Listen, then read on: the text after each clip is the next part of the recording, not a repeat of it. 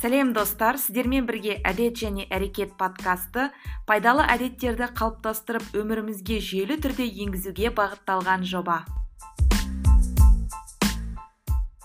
Армысыздар құрметті тыңдарман сіздермен бірге әдет және әрекет подкасты менің есімім жанар және біз бүгін біздің подкастымызда ерекше эпизод өйткені 15 бесінші эпизодты өздеріңіз білетіндей 11 бірінші эпизодтан бастап біздің подкаст сұхбат түрінде болып жүр. Енді бүгінгі 15 бесінші эпизод тыңдарманмен эпизод және бүгін бізде қонақта әдет және әрекет подкастының тыңдарманы саят өскенов. Саят біздің подкастқа қош келдің. Өзіңді қысқаша таныстырып кетсең. Менің атым саят жасым жиырма бірде студентпін. Назарбаев университетінде үшінші курста оқимын. Қуаныштымын. Негізінен саят біздің подкаст тыңдармандары инстаграмда енді жазылушы жазылушылар саны өте аз болған кезде алғашқылардың бірі болып жазылған болатын біздің подкастқа. Тыңдармандардың ішінде ең көп жарнама жасаған саят деп ойлаймын. Сондықтан енді саятпен бірге өткізген қызық деп ойладым. Және саят студент болғанымен қоймай өзінің ютуб каналы бар. Ноушн қосымшасын қалай қолдану жайлы қазақ тілінде үйретіп жүр. Яғни енді мен өзімнің әріптесім деп айтсам да болады. Екеуміз де контент жасап жүрміз. Енді саят өзің қандай мектепте оқыдың? Назарбаев университетін бірден таңдадың ба? Осы жезқазғанда алтыншы сыныпқа дейін бесінші орта мектепте оқыдым. Одан кейін қазақ тілі лицейіне түстім. Ол жерде бес жыл оқып одан кейін бізде біздің бітірген жылы он бала түстік назарбаев университетіне. Былай айтсам солардың былай көмегімен ағынмен назарбаев университеті. Таңдау оған дейін оныншы сыныпта барып көрдік қандай екен университет былай танысып өзі. ұнады. Қазір қандай мамандықта оқып жүрсің? Қазір менің мамандығым роботикс мехатроникс деп аталады. Ә, автоматизацияға ұқсайды өте қатты. Сондай мамандық ә, жартылай иә айтиға жақын бірақ жаңағы механикал бөлімінде бар. Компьютер сайенс мектебі ма? Әлде инжиниринг? Екеуі бірігіп кеткен еді ғой. иә, social science иә сосын сайдсқа ауыстық. Немен бірге компьютер сайенспен бірге. Қалған ғылымдар ғылыми бағытқа кетті. Физика биология дегендер. Компьютер сайенс пен роботикс олар инженерияға жақын біздің тыңдаушыларымыздың арасында мектеп мектепте оқитын адамдар болса қалай ойлайсың назарбаев университетінде оқыған қаншалықты? Оңай ма қиын ба? Қандай таңдау жасауға ұсынар едің мүмкін? Сен өзің басқа бір университетті таңдайтын ба едің? Мүмкін шетел таңдау керек шығар. Қалай ойлайсың өзің? Егер материалдық жабдықталуын салыстыратын болсақ шетелдік университеттерден кем емес деп айта аламын және қазақстанда үйге жақын деген сияқты. Басқа шетелге ондай барудың керегі жоқ та. Ал егер ә, сіз қандай бағытта мысалға ғылыми бағытта дамимын мысалға бакалаврдан кейін магистратура сосын докторлыққа дейін барамын дейтін болсаңыз онда қазақстандағы ең үздіктердің біреуі деп айтуға болады. Өйткені ғылыми жағынан жаңағы сайнс жағы өте қатты жақсы дамыған шетелдік профессорлар олардың тәжірибесі мысалға шетелдік таныстары да көп деген сияқты. Ол жағынан мүмкіндіктері көп. Ал егер мысалға именно мысалға нені тексереді салыстырып отырады сду мен нудың мысалға компьютер сайнсында сдудікі более практикалық жүзінде ал бізде ғылыми деген сияқты. Және егер сіз мысалға практика жағынан егер көбірек үйренгіңіз келсе может басқа жақты қарау керек шығар өйткені бізде ғылыми болған үшін бүкіл нәрсені андай тереңдетіп солай оқиды. Практика жағын өзіңіз үйрену керек солай қысқаша солай айтатын едім. Негізінен келісемін. Назарбаев университетінде ғылымға көп көңіл бөледі. Соның ішінде биотехнология сол ғылымдар негізінен жақсы дамыған. Бірақ айти саласы да жақсы дамыған деп санаймын. Осы назарбаев университетінде жалпы мен байқағаным біздің офис кітапхананың жоғарғы қабатында еді. Сол кезде енді студенттерді көремін ғой. Сонда аз ұйықтап сондай жүреді да енді бір стресспен өзің қалай негізі уақытыңды қалай ұйымдастырасың? Қиын ба негізі? Нагрузка қандай? Негізі қатты қиын емес. Мен өзім бірден айта салайын андай сабағым бір. Өте жақсы дәрежеде gpa биік деп айта алмаймын. Өзім орташа енді үштің маңайында. Енді соған егер сондай дәрежеде оқығыңыз келсе білмеймін енді қиналмай оқуға болады негізі. Силабус деген нәрсе бар. Өзім университетке барғанда білдім. Мысалға семестрдің басында төрт ай бойы мысалға не істейтінімді айтып қояды иә алдын ала. Енді арасында өзгеруі мүмкін кішкене. Бірақ негізгі планды береді. Сол планды апта сайын орындап отырсам күн сайын дегендей. Сонымен негізі қатты қиын емес. Дұрыс рахмет. Негізінен менің ойымша gpa дің қатты жоғары болғаны маңызды емес. Өйткені мен енді оқу бітіргеніме біршама жылдар өтіп кетті. Бірақ мен түсінгенім адам негізінен скиллс дейді ғой дағдыларды білгені дұрыс та. Бір, бір нәрседен мысалы енді сіздің жағдайыңызда мысалы ноушн болса ноушнның өзінен иә бір нәрсені жақсы білсең өзіңе қатысты салаңа қатысты затты дің ондай қатты маңызы болмайды деп ойлаймын да. Сіз негізі біздің подкасттың барлық эпизодын тыңдадыңыз ба? Араларынан тыңдадыңыз ба? Бастапқы алтауын ба тыңдадым. Анау екі бөлікке бөлінгенін атын ұмытып тұрмын қазір бір техника туралы айтқансыз. Power шығар иә иә иә иә. иә. Power бір екі одан кейін қонақтар келе бастаған тыңдадым. Бүгінгі шыққан тыңдаған жоқпын. Және эко жүйелер ма? Сол сол қалып. А эко әдеттер иә? Иә. Олар бір сағаттық қойды ұзақтау сұрайын дегенмін ғой қай эпизод сізге ұнады деп ойлайсыз? Маған мен мен осы подкастты көрген кезде не шықты? тоғызыншы немесе оныншы кітап оқу әдеті туралы. Ол жерде ұнағаны негізі өзімнің де андай немен сәйкес келген сияқты болды да мысалға сіз айтқан айттыңыз ғой бизнес мысалға сондай психология туралы мысалы кітаптарды оқи беріп андай өмірде қолданбасаң біртүрлі андай ішіңде жинала береді деген сияқты. Иә сосын иә. мысалға кейбір кезде қоя тұрып іске көшу керек деген сияқты. Иә иә сол сондай нәрсе. Жақсы. Негізі жалпы подкастқа тағы не қандай кеңесіңіз бар? Мүмкін дизайнды реттеу керек шығар. Мүмкін монтаж. Жалпы өзіңіздің ойыңызша. Негізі мен көп адамдардан сұраймын. Фидбек сұрағым сұраймын да. Таныстарымнан көбісі білмеймін енді. Мені ренжіткісі келмей ма? Айтпайды да. Бәрі жақсы бәрі жақсы дейді. Бірақ енді өзім негізі білемін да. Минустарымды былайша. Енді сырт көзден де былай білгім келеді. Пікір жазғанда да енді адамдар ұяла ма білмедім енді жазбайды. Көбінесе пікірді.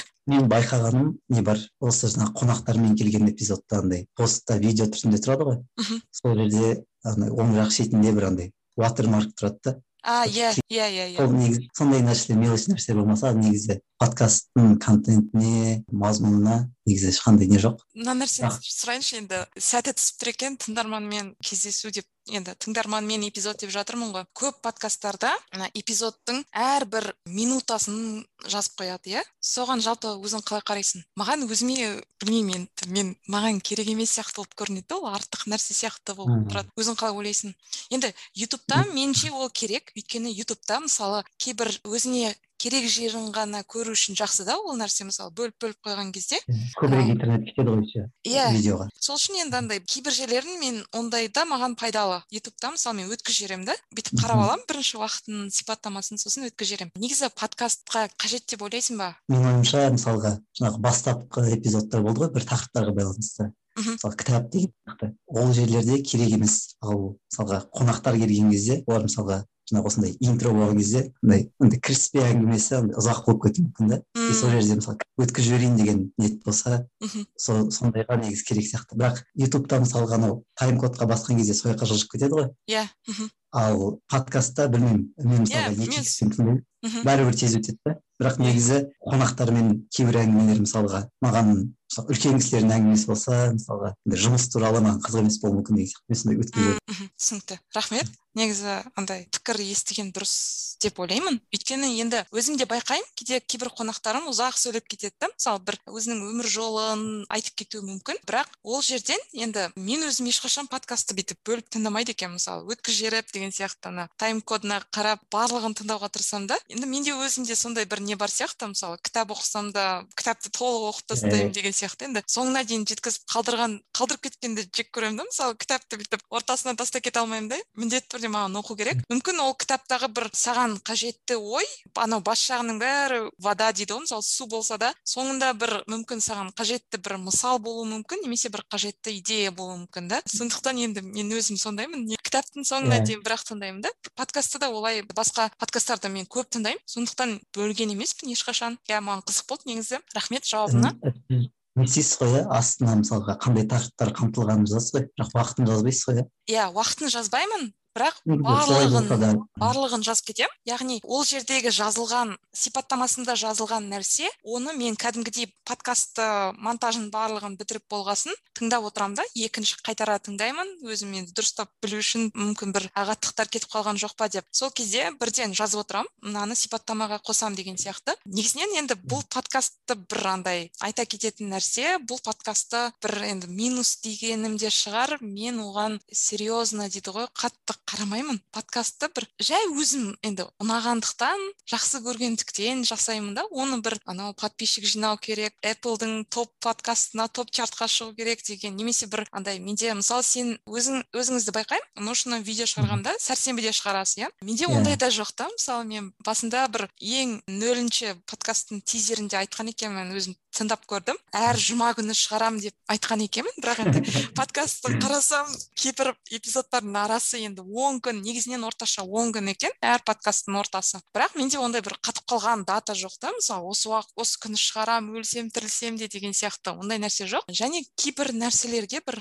қатты андай заморачиваться ету деген ондай нәрсе жоқ. Мен енді білмеймін басынан бастап контентке ғана мән беремін да. Не айтамын не нені жеткізгім келеді. Және ол подкастты бір қинамаймын да өзімді жазғым келмесе жазбаймын деген сияқты нәрсе ғой сондай. Иә иә жай өзім жан рахатым үшін деп санаймын. Білмеймін енді ол бір жағынан дұрыс та емес шығар. Контент үшін негізі реттілік қажет деп айтады ғой мысалы жүйелілік қажет дейді да сен. Сонда ғана сенде жаңағы көп подписчик болады көп қараушылар саны болады деген сияқты. Иә. Әдеттер жайлы сөйлесейік. Өзі мектеп кезінде енді ктл менің ктл достарым өте көп. сексен пайыз достарым елу пайыздан артығы ктл шығар. Университет кезінде танысып солай дос болып кеттік. Ктл саған негізінен бір ұнайтын үш нәрсе бар ма? Немесе саған бір жақсы пайдалы әдеттерді үйрендім деп айта аласың ба? Мүмкін сол қандай болса бір үш әдетті айта аласың ба сол жақтан? Қазір шамалы ойланып алайын бірінші есіме келгені бұл не шығар? Күн тәртібі. Мысалға күні түні аптасына алты күн сол жақта жүресің. Және жазылған бүкілнен қай мысалға нешеде тұрасың нешеде ұйықтайсың егер өзің ертерек тұрамын демесең жеті жарымда оятады сені деген сияқты. Енді ол жеті оқып жүрген бала үшін негізі басында қиын болады. Одан кейін білмеймін сол жаңағындай соған дағдыланғаннан кейін сол әдет әлі қалған сияқты өзімде. Бір уақытта жатып бір уақытта ояну деген сияқты. Мысалға қыста болса да қыста жеті жарымда тұрасың дала қап қараңғы болып тұрады әлі. Сондай завтрак болады менде сегізде дейін. Мен уақыттарын примерно айтып отырмын сондай сол бірінші сол ұйқы деп айтатын шығармын. Одан кейін иә одан кейін кешкі бізде этюд деген уақыт болған. Жеті мен тоғыз арасы. Ол кезде сабақ оқимыз. Мысалға біз тоқсан басталған кезде мысалға әлі үй жұмысы болмаса да сол уақытта отырып сабақтарыңды қарау керексің да. Екі сағат. Сол амалдың жоғынан мысалға бәрі сабақ оқып отқан үшін оқисың. Сол да бір әдет болып қалды деп ойлаймын. Бірақ қазір енді кешке сабақ оқымаймын бірақ сонда да бір бір уақытта сабаққа бөлу деген нәрсе үшеу дедіңіз иә иә үшеу үшіншісі қалды. Мүмкін жаяу жүру. мектеп кезінде негізі ол да болды. Біз тамақтан кейін лицейден шығуға болмайды бірақ лицейдің айналасын айналып жүретінбіз достарымызбен тамақ басу үшін деген сияқты. Негізі оны да айтуға болады иә. Мүмкін қазір жүруге құлшыныс құлшынысыңды ашып жүрген сол кездегі шығар. Бірақ қазір жалғыз ол кезде балалармен мысалға даже он жиырма бала болып мысалға жүресің да бірге жүресің иә? Қызық. Иә жүрген де қызық негізі. Иә жүрген ұнайды маған. Өте қатты ұнайды. Енді мен осы жақында ғана кеше ғана ма енді бір ой келсе мысалы маған бір андай не болады да бір подкаст тыңдасам сосын бір ағылшын тілінде көбінесе қараймын бір статьяларды мысалы әдеттер жайлы эпизодқа мүмкін қажет болып қалатын шығар деген сияқты. Жай өзіме қызық та мысалы қазірдің өзінде белгілі бір әдеттерді қалыптастырғым келіп жүр. Оның бірі бір уақытта тек бір кітап оқу деген әдетті қалыптастырғым келіп жүр. Бұл нұрлан ағамен болған подкастта ол кісі айтқан еді бір уақытта бір кітап оқимын деп. Мен өзімде мен олай оқи алмаймын. Осы уақытқа дейін әлі оқыған жоқпын. Тек мен оқысам мысалы бір үш кітапты қатарынан оқуым мүмкін да. Ол жерде енді андай селф хелп психология деген кітаптар таңертең оқимын деген сияқты ғой. Мысалы ғылыми кітаптарды әдеби кітаптарды кешке оқимын деген сияқты сөйтіп араластырып оқимын да. Енді мен осы әдетті қалыптастырғым келіп жүр. Бір уақытта тек бір кітапты бітіріп және ештеңкеге енді ештеңкеге әрине алаңдамай не істемеймін. Және осы жақында бір статьядан оқыдым. Оны өзімнің телеграм каналға да жаздым. Яғни ә, сенде белгілі бір әдетті егер орындасаң ол сенің миыңда қалып қалады деген сияқты айтады да. Мысалы бір ол әдет адамнан ешқашан кетпейді дейді да. Әйтеуір бір сенің миыңның түбінде санаңда түйсігіңде ол нәрсе қалып қалады. Сен оған бәрібір қайтадан ораласың деген нәрсе да. Сондықтан енді мен ойлаймын сен мысалы енді мектеп кезінде жаңа жаяу жүрдік деп жатырсың ғой оның өзі де сен енді қазір жиырма бірдемін деп тұрсың енді отыз бірде болсаң да қаншада болсаң да сен оны бір кезеңде мүмкін тастап кетерсің мүмкін орындамай кетерсің бірақ сен бәрібір оған қайтып келесің деген нәрсеге саяды мхм солай ойлаймын енді кез келген әдет дейді да ол жақсы әдеттер ғана емес жаман әдеттерде де сондай болады деп айтады. Мысалы егер бір сенде бір жаман әдет болса енді ол ол жерде оны ол ғылыми зерттеуде оны стресспен түсіндіреді да. Егер адам бір стресстік жағдай болса ол бірден жаңағы жаман әдеттерін алады деген сияқты жақсы әдеттерін орындамай қояды дейді да. Сол үшін енді адам жақсы көңіл күйде болған кезде оның өмірінде стресс жоқ болған кезде жақсы әдеттерді көбірек жасап алу керек дейді да сонда бір сенде бір андай қор жиналып қалады дейді да иммунитет деген сияқты ғой. Сені ондай жаман әдеттер саған қауқарсыз болып қалады дегенге саят тексеріп көру керек. Негізінен маған бұл идея ұнады. Сабақ оқуға қатысты бір әдеттерің бар ма? Қазір енді университет кезінде студентсің. Мүмкін уақытты басқару дейміз ба? Соған қатысты әдеттерің бар ма? Тыңдаушылардың арасында студенттер болса оларға пайдалы болып қалуы мүмкін деген иә негізі менің ойымша негізі де солай шығар. Мысалға әдет деген нәрсе өте андай жеке нәрсе деп айтушы едім. Мысалға бір бір адамға жұмыс әдет мысалға біреуге жұмыс істеуі мүмкін деген. Иә қазір мысалға мен бір әдеттерді айтатын болсам ол әдеттер сізге жұмыс істеп кетеді деген гарантия жоқ. Тек қана жасап көріңіз. Если өзгертетін жер болса соны өзгертіп өзіңізге бейімдеп енді сабаққа қатысты әдеттерді айтатын болсам негізі бүгінгі тақырып ұнап тұр өзіме мысалға трек әдеттерді әдеттерді бақылау иә. Енді жалпы әдетті мысалға қазір мысалға алайық біреудің жалпы әдеті жоқ деп алатын болсақ негізі енді енді ол әдеттері қандай екенін білу үшін ең бірінші әдет әдеттерді бақылау деген әдетті қалыптастыру керек деп ойлаймын ше. Мхм. түсінікті болды ма айтқан? Иә түсінікті болды. мен де толықтыра кетейін. Бұл дегеніміз біз кез келген әдетті кез келген нәрсені негізінен ойыңызға идея келді ма немесе бір нәрсені істеу керек болды ма сізде бір чек лист болу керек та. Кез келген нәрсе егер де біз оны жазатын болсақ онда оның орындалу мүмкіндігі екі үш есеге дейін артады да. Егер де сіздің басыңызда болса ол жоқ болып кетуі мүмкін немесе ұмытып кетуіңіз мүмкін деген сияқты. Ал егер ол қағаз бетіне түсетін болса ол міндетті түрде орындалады да. Өйткені сіздің миыңызды босатасыз және қағаз бетіне түскеннен кейін көз алдыңызда тұрғаннан кейін оны енді орындамасқа болмайды деген сияқты. Және жылдың басында да мысалы біз жоспар құратын болсақ new year resolutions дейді иә. Мысалы бір өзімізге уәде беруіміз мүмкін иә. Мен осы жылы осындай нәрсе істеймін деген сияқты. Немесе осындай бір мақсаттар қоюымыз мүмкін. Немесе бір әдеттер қоюымыз мүмкін. Оның барлығын күнделікке сондай планер ежедневник болсын кез келген нәрсе бір жерге әйтеуір тіркеп қою керекпіз да өйткені енді иә. басымызда бүкіл нәрсені ұстап тұру мүмкін емес. Саяттың айтып жатқаны бұл енді трекинг дейміз әдеттерді қалай айтсақ болады? Тіркеу дейміз ба бақылау ма? Кез келген әдетті иә жазып отыру соны. Иә ең бірінші мысалға не істеп жүргеніңізді бақылап көру керек деп ойлаймын. Сабақты мысалы қалай оқып жүрмін деген сияқты. Мысалға үй жұмысына қанша уақыт кетеді деген сияқты. Или мысалға нені қаншалықты жиі тексеремін деген сияқты жаңағы силабус жаңағы әдеттер. Апта сайын дедлайндарды тексеріп отырамын. Міндетті түрде одан кейін ну оның ішіне жаңағы кітаптар нелер кіреді барлығы осы алдыңғы аптада не өттім алды келер аптада не болады. Негізі сабаққа қатысты осы бір әдет ары қарай кішкентай әдеттерге бөлініп кетеді. Ішінде уже әр әр сабаққа қатысты мысалға есеп шығаратын сабақ болса онда тоже бөліп тастайсың мысалға күніне бір екі есептен шығарып отыру дегендей. А егер андай гуманитарлық болса он бет кітап оқимын деген сияқты. Өйткені сабақ деген бір өзі аяғы бар нәрсе ғой. Мысалға бір семестр оқисың бітті yeah. да. Белгілі бір уақытпен шектелген иә. Мысалы егер yeah. мақсат смарт деген жүйе бар иә. Белгілі бір параметрлары бар мақсат болуы мүмкін иә. Ол тайм баундед уақытпен шектелген белгілі бір нәрселерді орындау керексің деген сияқты. Сенімен иә толық келісемін. Өйткені басында бізге бірінші бағалау жасау керек та. Әрекеттер әрекеттерімізге не істеп жүргеніміз деп жатырсың ғой. Мысалы силабусты қанша рет ашамын. Яғни біз ең алдымен анализ жасап алу керекпіз. Бірінші мен қазір қандай қандай точкада тұрмын деген сияқты ғой. Мысалы қазір қандай нүктеде тұрмын деген. Жақсы?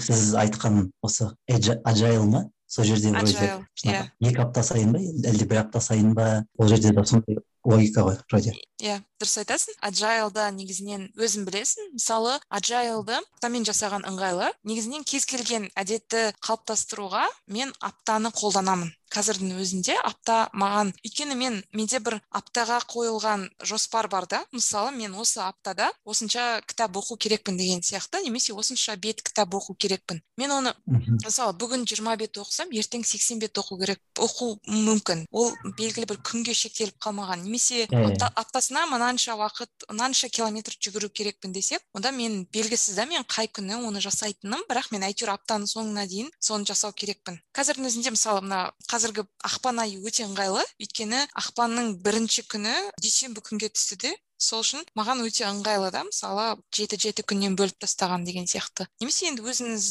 қалауыңызша алуға алуға болады мысалы екі апта бір ай деген сияқты. Бірақ ә, түпкі мақсаты сол да бұл жерде енді әдетті енді трекер деп жатырмыз ғой. Мысалы әдеттерді барлық не істеу керек? Соны тізіп шығып to do list дейді иә? Чек лист дейді. Сол сияқты енді белгілі бір кішкентай кішкентай нәрселерді жасайсың. Бір жағынан ол саған қуаныш сыйлайды бір жағынан белгілеп өзіңе қанағаттанасың деген сияқты ғой. Енді өз өзіңе қанағаттанасың. Иә. Жақсы. Тағы да қосарың бар ма? Осы неге қатысты? Жаңағы неде? Эджайлда тоже мысалға айтылады ғой. Аптаның үш басты мақсаты және күннің үш басты мақсаты деген иә. мысалға бір күнге қойып қоямын бүгін үш осындай тапсырма жасау керек. Немесе сабақ болса сол сабаққа қатысу деген сияқты. Дедлайндар иә? Мысалы университетте енді көбіміз квиз болады мидтерм болады мидтерм кезінде көбірек жаңағыдай не істейсің енді кітап оқып жүрмейсің ғой. Мысалы мидтерм кезінде тек сол мидтермға ғана баса назарды соған иә фокусты соған ғана қоясың да. Мысалы мидтермда саған не істеу керек? Сол нәрсеге ғана басқа нәрсені кішкене енді ысырасың да ол ол нәрседе. Сол сияқты иә дұрыс айтасың. Күніне үш мақсат үш негізгі мақсат дейміз ғой. Аптасына үш негізгі мақсат. Соны соған енді жетудің жолын қарастыру өте пайдалы. Барлықтарыңызға кеңес беремін. Осы аджайлды қолданып көруге. Және бір жағынан енді аджайл деген аударатын болсақ ағылшын тілінен икемді деген сөзді яғни сіз белгілі бір нәрсеге андай қатты қадалып қалмайсыз. Мысалы бір күн осыны ғана істеймін деген сияқты емес. Өзгертуге болады да. Біздің өміріміз негізі аджайл ғой. Өйткені неше түрлі жағдайлар болып тұрады. Неше түрлі форс мажорлар болып тұрады. Сондықтан мен иә. өзім енді мысалы менде күніне мысалы он мың қадам деген сияқты бірақ менде ол қатып қалмаған да. Мүмкіндігімше жасаймын. Маған да енді үйіме қонақтар келеді мен де жұмыста мысалы кейде түскі ас кезінде түскі асқа жетпей жұмыс істеуім де мүмкін. Сондықтан осылай өзгермелі болып тұрады. Бұның барлығы негізі қалыпты нәрсе деп қарастыру керек. Ешқашан ондай бүгін осыны орындай алмадым деген сияқты бір не болмау керек. Енді мысалы кейбір күндерде болады менде. Мүлдем сыртқа шықпаған кездерім де болады. Бұған қалыпты деп қарастыру керек деп санаймын. Жалпы өзің ютуб канал жайлы қай кезде келді идея? Осы 2020-да карантин басталғаннан кейін оған дейін де негізі ютубты көп қарайтын едім. Бірақ осы карантинде шамадан тыс кәдімгідей көп қарап кеттім прям подкасттар деген сияқты өте өтті өзіме бұрыннан берді мысалға нені қарайтынмын универге түскеннен бері может білетін шығарсыз білмейтін шығарсыз мысалға томас франк али Иә. абдал деген сияқты солардың мысалға каналдарынан жаңағындай қалай жаңағы түрлі әдеттер техникалар сабақ оқу кезіндегі мысалға экзаменге қалай дайындалу керек деген сияқты сондай видеоларды қарап қарап жүрдім да екі мың жиырманың августында күзгі семестр басталғанда түсіре бастадым. Бірінші екі видео шықты. Ойлағанмын сол кезде апта бойынша шығарып жіберемін деп сіз айтқандай мысалға шықпай қалса жарайды деп жеңіл қабылдадым да. Сосын осы осы семестрдің басынан сәрсенбі сайын шығарып отырайын. Қандай, қандай болса да мысалға ну кейбір кезде сапасы мысалға өзім қаламағандай болып қалатын шығар. Бірақ жаңағы қайтадан томас франк солардың қарасам оларда апта сайын шығарғанда солай солай. Негізгі мақсат сол өзіме әдет әдетке айналдыруға ғой. Одан кейін өйткені үйде отыра бергеннен мысалға бір андай не болмай қалды. Бір өлшейтін бір нәрсе болмай қалды да сабақ қана мысалға. Мен жаңағы білімімді қолдану үшін деген сияқты былай айтқан кезде. Карантин бойы мысалға ютуб канал қалай ашу керек деген нәрсені қарап кеттім да бірақ қолданбай қалғаннан кейін ертең неге ашпадым деп өкініп жүргеннен гөрі. Сонда жасағаным дұрыс деді. Иә енді әзірше жаман емес өзіме ұнап жатыр жақсы маған ұнады. Сенің видеоларың негізінен пайдалы деп санаймын. Өйткені мен өзім осы уақытқа дейін мен ноушнды қателеспесем шілде айынан бастап қана қолдана бастадым. Оған дейін трелло қолданатынмын evernote деген бағдарламаларды қолданатынмын. Сондықтан мені қуантқаны ол қазақ тілінде болғаны. Өйткені қазақ тілінде өзім білетіндей контент өте аз және бұндай видеолар өте аз кәдімгідей түсіндіретін. Сондықтан енді саяның каналына жазылыңыздар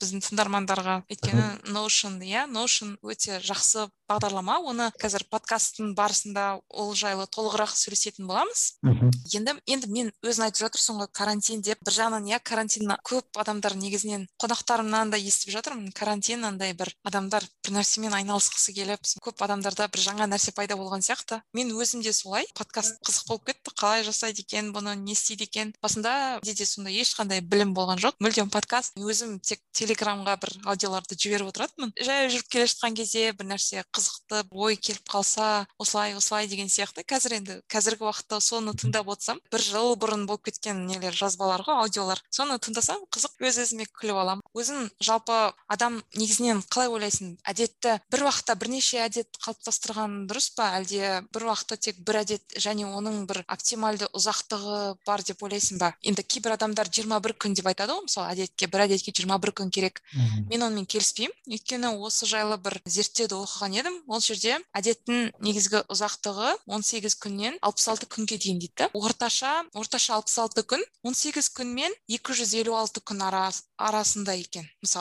әртүрлі әдеттің несіне қарай ең аз 18 күн кетеді екен бір әдетке ең көп дегенде 256 күн кеткен екен. Бұл зерттеуге 5000 адам қатысқан екен. Және бұл 21 күн неден шыққан? Бір хирург болған атын есімде түсіре алмай отырмын подкасттың сипаттамасына қосып қоямын ол кісі негізінен бір адамға протез сияқты нәрсе салған екен да. Соны аяғы жаңағы 21 күнде жүре алатындай болған екен сол протезбен. Сондықтан да ол ойлаған екен да жаңағы содан пайда болған екен сол 21 күн деген. Яғни адам соған 21 күнде үйреніп кете алады деген сияқты сосын енді адам басқа нәрсені де 21 күнде істеп кетеді деген сияқты бір миф дейміз ба? Сондай болған екен. Енді өзің қалай ойлайсың? Қанша күн кетеді деп ойлайсың? Әлде ол адамға байланысты ма? Иә жаңа басында айтқан сияқты әр әдеттер мысалға бір әдет мысалға мүлдем мысалға біреуге жұмыс істемеуі мүмкін да. Ну то есть аз әсер етеді деген сияқты эффективності тиімділігі мысалға азырақ болады деген сияқты. Ал егер бір әдетті мысалға бақыламай ақ мысалға ешқандай ерік жігерсіз жасап кететін дәрежеге жеткізу үшін мен бұрында жиырма сегіз күн деп еститін едім ең біріншісінде одан кейін ол иә үзбейді. Мысалға бір күн үзілсе жиырма бесінші күні қайтып бірден бастап санау керек деген сияқты. Ол енді бірден миға қонымды болды сол кезде естігенде мектеп кезінде ғой. Одан кейін мысалға санап келе жатасыз жүзге дейін. Сосын елуден мысалға үзілсе елу бірінші күні істемей қалсаңыз жаңағы елу деген санды екіге бөлесіз да жиырма бес жиырма бес жиырма алты деп санап кетесіз. Солай солай way of life па? Қосымшада иә сондай сияқты. Иә мүмкін сондай бір несін настройкасын солай жасап қоюға болады чтобы саған көрсететін енді бірақ жалпы енді әр әдетке әртүрлі қатып қалған сан бар деп точно айта алмаймын. Мүмкін бар шығар мысалға бір негізінен мысалы мен қонақтардан сұраймын ғой сіз өзіңіздің бір айтыңызшы ұнайтын өзіңіздің бір топ үш әдетіңіз бар ма деген кезде көбісі қиналып қалады да әдет әдет қандай әдет деп. Меніңше адамдар әдеттері бар бірақ олар оны бір андай керемет әдет деп санамайтын сияқты да мысалы. Күнделікті мысалы сен таңертең және кешке тісіңді жуып жүрсең ол да әдет қой. Yeah. Иә. интуитивно істейсің да. Мысалы әрбір тамақ ішкен сайын қолымды жуамын десең ол да әдет та. Бірақ сен оны интуитивно жасайсың автоматты түрде ол уже саған сіңіп кеткен сен оны жаңа өзіңнен қусаң да кетпейді деген нәрсе ғой саған жабысып қалған болды иә мысалы. сондай жағынан енді адамдар ойлайтын шығар. Бірақ қарапайым нәрседен бастау керек. Ондай үлкен нәрсені алып алмау керек. Қарапайым кішкентай бір нәрсені мысалы істей беру керек істей беру керек деген сияқты. Енді айтуға оңай шығар бірақ қиын болуы да мүмкін иә. Жарайды. Онда енді өзің ноушн иә ноушн не үшін таңдауың ноушнға түсті? Басқа басқа қосымшаларды да қарап көрдің ба негізі? Негізі мысалға жаңағы әдетті тіркейтін емес бірінші туду листтарды жасайтын нелерді қолданып бастаған есімде ең бірінші. Эниду деген болған. Ол жерде бірақ қандай қойып қоюға болады да тапсырма который күн сайын жасайтын деген сияқты. Әдет болып кетеді ғой значит. Негізгі жаңағы ноушнға дейін қолданған қосымшалардың маған ұнамаған бір ортақ тұсын айтатын болсам олар икемді емес бір иә жоқ деп қана басасың. Немесе осылай өздерін бір көрсететін нелер бар. Иә әртүрлі көрсетуі мүмкін. Мысалға графиктермен деген сияқты. Бірақ енді мен ноушнды көрген кезде қалай өзіңе жасауға болады? Бірден бірден ұнап қалды да. Но енді минусы деп айтпаймын. Ол қосымшалардың тек қалай айтсам болады бір ғой. келісемін мысалы айти саласында user friendly деген нәрсе бар да. Немесе юзабилити деп. Яғни юзабилити деген адамдар біз бағдарламаны жасаған кезде адамға максималды түрде ыңғайлы болуын қарастырамыз да. Ол мысалы бір иә бір батырманы басса ол одан қиналмай басатындай деген сияқты. Мысалы немесе жаңа бағдарлама ол оған бірден батырманы басса келесі нәрсені нұсқап тұратындай деген сияқты. Өйткені андай адамдардың қалай айтсақ болады жалқау дейміз ба? Көбісінде клиповый мышление көп адамдар енді андай меніңше ізденгісі келмейді. Дайын нәрсе болу керек та енді. айти саласының мысалы мамандарының да мақсаты сол. Барынша бағдарламаны қолдануды жеңілдету иә. бүкіл адамдардың өмірін жеңілдету. Мысалы каспи қосымшасын алатын болсақ өте ыңғайлы ғой. Каспи қосымшасы сол жағынан ұтады не үшін ода адам ұнайды өйткені өте ыңғайлы. Бір нәрсені төлеп квитанцияны шығару керек болса квитанциясын ватсапқа жібере саласың деген сияқты сол жағынан иә. Енді өзің жалпы әдеттерді тіркеген кезде қағазды қолдандың ба? Мен әлі күнге дейін қағаз қолданамын. Негізінен енді андай олд скул болуы мүмкін бірақ қанша менде мобильді қосымшалар телефонда түрлі түрлісін қолданып көрдім. Бірақ білмеймін маған сол қағазда жасаған ыңғайлы да. Кәдімгідей дәптерді аламын менде ондай блокнот та емес. Бұл әдет негізінен университет кезінде пайда болды. Достарым көрсетіп берді. Сол кезде енді мысалы мен ұзынынан күнделік жазып шығамын мен бір аптаға жасаймын оны. Кесте түрінде әдемі қылып істейтін қазір қолмен сыза беремін. Және горизонталды жағынан әдеттерді жазамын мысалы мен не істеу керекпін бүгін? Мысалы он мың қадам деймін ба мүмкін отыз минут кітап оқу тағы бір нәрселерді жазамын сосын күн сайын сол жасасам белгілеп отырамын одан кейін менде тотал деген нәрсе бар. Яғни аптаның соңында мен есептеймін. Қай жерден қанша нәрсе істедім деген сияқты. Бұл бір жағынан енді көз алдымда тұрады. Мен білмеймін андай мобильді қосымша маған бір қиындық туғызады. Ана ноушнға кіріп ол галочканы қою деген сияқты. Қанша мен оны шаблонды жасап қояйын бәрібір мен ана қағазға қайтып келемін да маған білмеймін енді ыңғайлы сол. Сондықтан мен ерінбей әр апта сайын мысалы жексенбі күні отырып алып кестемді сызамын енді солай жасаймын. Өзіңде қалай негізі қағазда қолдандың ба? сондай тәжірибе бар ма? мен шынымды айтсам қағазды мүлде қолданбаппын. Бір рет қолданып көрдім алдыңғы жылы үш күн ба мысалға әлі де тұр мына алдымда қазір қарасам. Төрт күн ғана толтырыппын плюс минус деп содан кейін қалып қойыпты ол. Білмеймін не екені ол адамның өзінің бір мінезіне ма байланысты шығар. Содан шығар иә. мысалға бір нәрсе жазсам оны өзгертемін да жаңағы бағандармен мысалға нені орын ауыстырғым келетін шығар мысалға немесе өшіріп деген сияқты. Сол үшін маған вордта жазсаң да өшіріп орнына жаза саласың қағазға жазсам өшіре алмайсың деген сияқты ма иә ал мен сосын неге бөлмемде тақта бар кішкентай маркерный осы екі ай бұрын ба бір әдетімді не істегенмін екі ай бойы алпыс клеткалық мындай кішкентай кесте жасап плюс қойып отырдым да. Ол енді нормально жұмыс істейді. Ол жақсы иә. Негізінен бұл жерде қағаз іздеп отырғаным мысалы оны а четыреға да істеуге болады. Мен енді дәптер, дәптерге жасаймын. Менің байқағаным маған ұнағаны ол жерде мен өзім білемін да негізі маған не істеу керек екенін. Өзімде бір чек лист бар туду лист бар соны білемін сосын жазамын. Менің түсінгенім мен оны апта сайын өзгертемін. Менде ол қатып қалмаған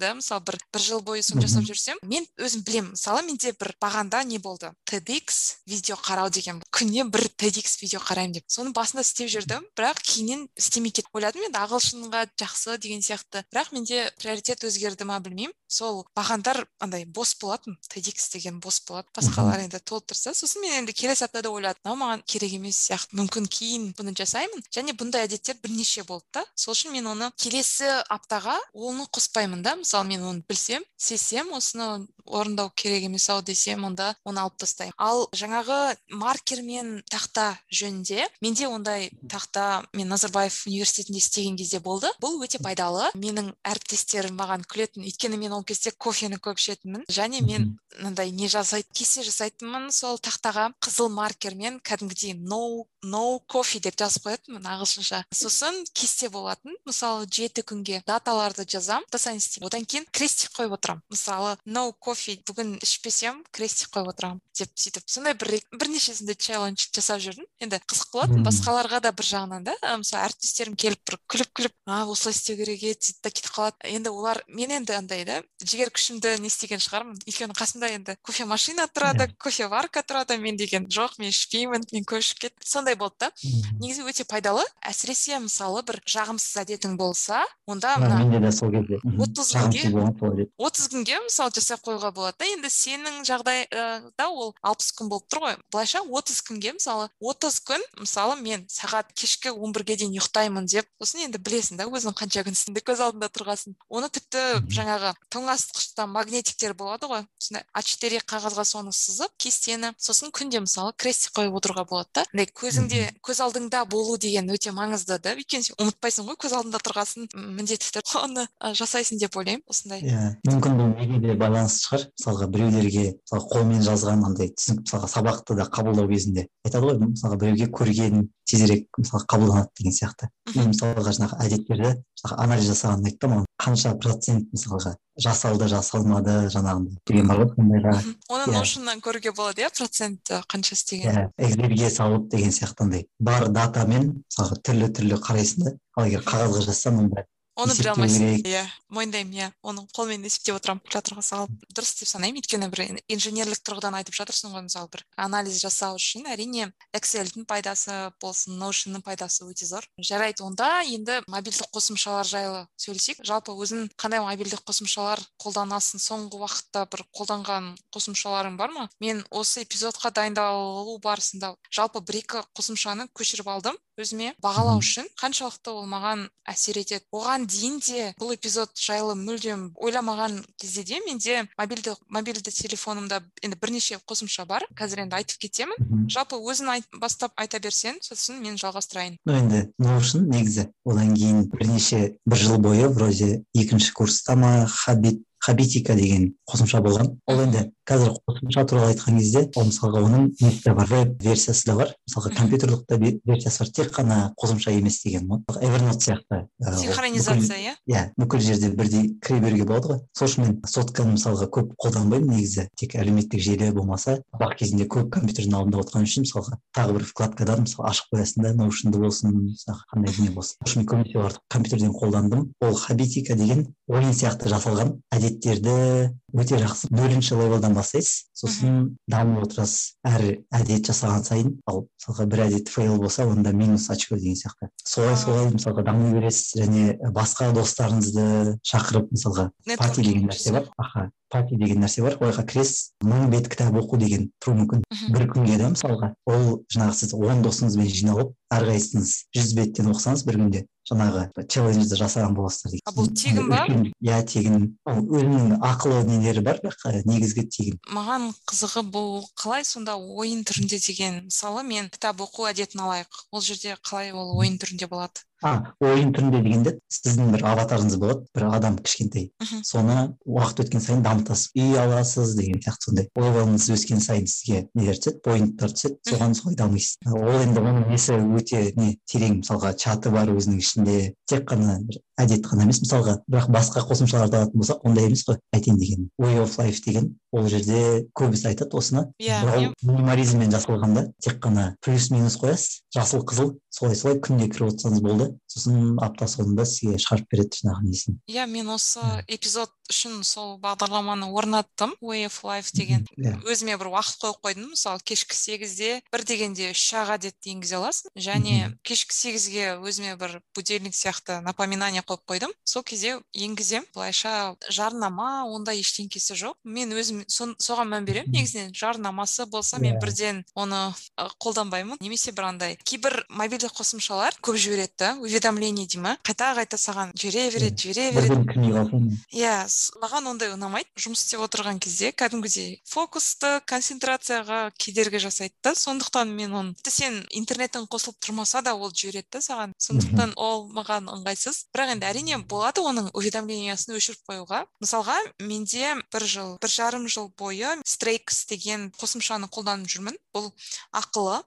Бағасы бір мың үш жүз ба мың төрт жүз теңгеге сатып алдым. Өкінген жоқпын. Өйткені сатып алсаң ақысын берген сияқты боласың да. Енді бұл жерде ешқандай бір не жоқ. айфонның кәдімгі анау мысалы apple watch сияқты бір стрейк деген мысалы орында саған бүйтіп саусағыңмен басып тұрасың сосын ол дөңгелек өзі айналып жасыл болады бірақ қана әрекетпен. Егер де сен бір нәрсені орындамай жүрсең ол айтады мысалы сіз мына мына тапсырманы бір қиындықпен орындап жүрсіз дейді да немесе орындамай жүрсіз давайте біз сізге бұны азайтайық деген сияқты мысалы. Егер де бір мен өзіме үлкен меже қойып алсам ол өзі айтады да сіз мынаны аз орындап жүрсіз бұның азайтайық келісесіз ба өзі сөйтіп сұрайды. Және ол жерде де иә графиктер бар аналитика бар яғни барлығын көруге болады. Сен қанша нәрсе істедің деген сияқты. Бір айда қанша істедің бір аптада қанша істедің деген сияқты. Сондай қасиеттері бар. Ақылы болса да риза болдым. Өйткені ешқандай жарнамасы да жоқ. Және бұның бір ерекшелігі ішінде өте көп әдеттердің базасы бар. Мысалы өте көп та мен ойламаған әдеттер бар да ішінде. Сосын бүйтіп қарап отырғанда енді қызық. Бұл енді way of life сияқты. Бұл жерде үш ақ әдет емес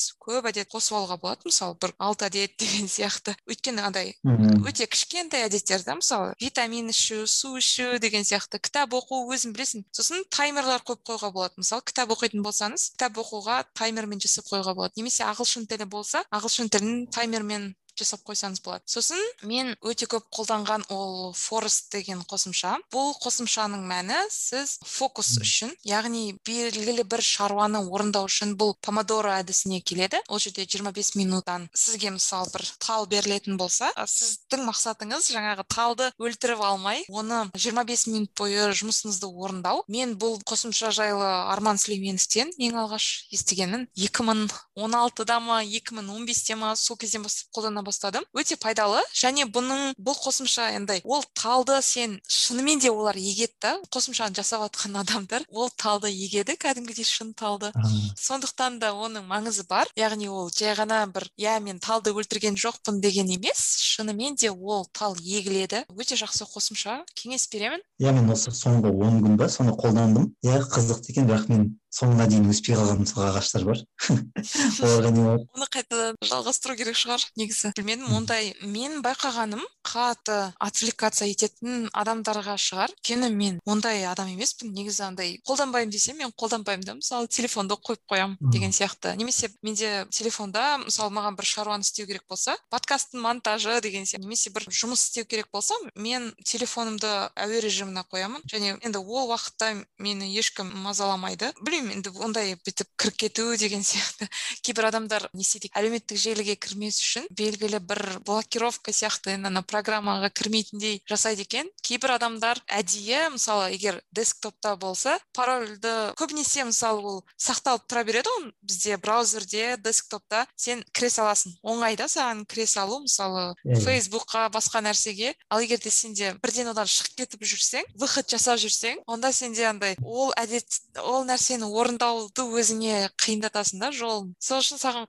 тағы да анау парольді енгізу бір кішкене қиындық туғызуы мүмкін дейді да. Сол үшін адамдар сондай неге әрекетке барады екен? Жалпы қандай андай нәрсе бар ғой. Дофамин детокс деген ба вроде қателеспесем иә. мысалға ол әлеуметтік желілер өздері солай дизайн жасалған чтобы бір нәрседен кейін бір нәрсе кете береді деген сияқты. Лента бойынша мысалы сторис бойынша үздіксіз контент. Ол андай кездерде көмектесетін сияқты мысалға. Ұзақ отырып кетесің мысалы бір жарым сағат деген сияқты. Жаңағы әлеуметтік желілер шыға алмай мысалға ютубтан инстаграмға басқа жаққа дейін. Сол кезде жаңағы ағашты қосып бір жарты сағат демалып аласың да ал жұмыс істеу кезінде и так иә мен де соны байқадым. Мен ол ағаш тұрса да тұрмаса да бәрібір жұмыс істеу керек кезде жұмыс. Иә бір нәрсені орындау керек болсаң маған ол ағаш та маңызды емес сияқты. Мен ондай бір әйтеуір енді өзіме қосып қоямын сол форест бірақ өзім түсінгенім егер де маған орындау қажет болса ағаш па мобильді қосымша ма ондай ештеңкеге қарамайды екенмін. Инстаграмның иә лентасы солай жасалынған. Негізінен мысалы стористі да бүйтіп өтіп отырады ғой бірінен кейін бірі келесі адамның сторисі келе жатырады немесе лента. Иә ақпарат шыға береді шыға береді пинтерест болса да пинтерестте де мысалы көп нәрсе шығады да бір бірінен кейін бірі шыға береді. Келесі қосымша андроид кімде андроид болса habit now деген қосымша. Бұл қосымшаны мен осы подкастты жазып басталғалы қолданып жүрмін қыркүйек айынан бері. Бұл жерде өте оңай негізі бірнеше әдеттер қосуға болады яғни үш әдет емес. Және бұл жерде тек қана бүйтіп галочка қойып отырасың мысалы менде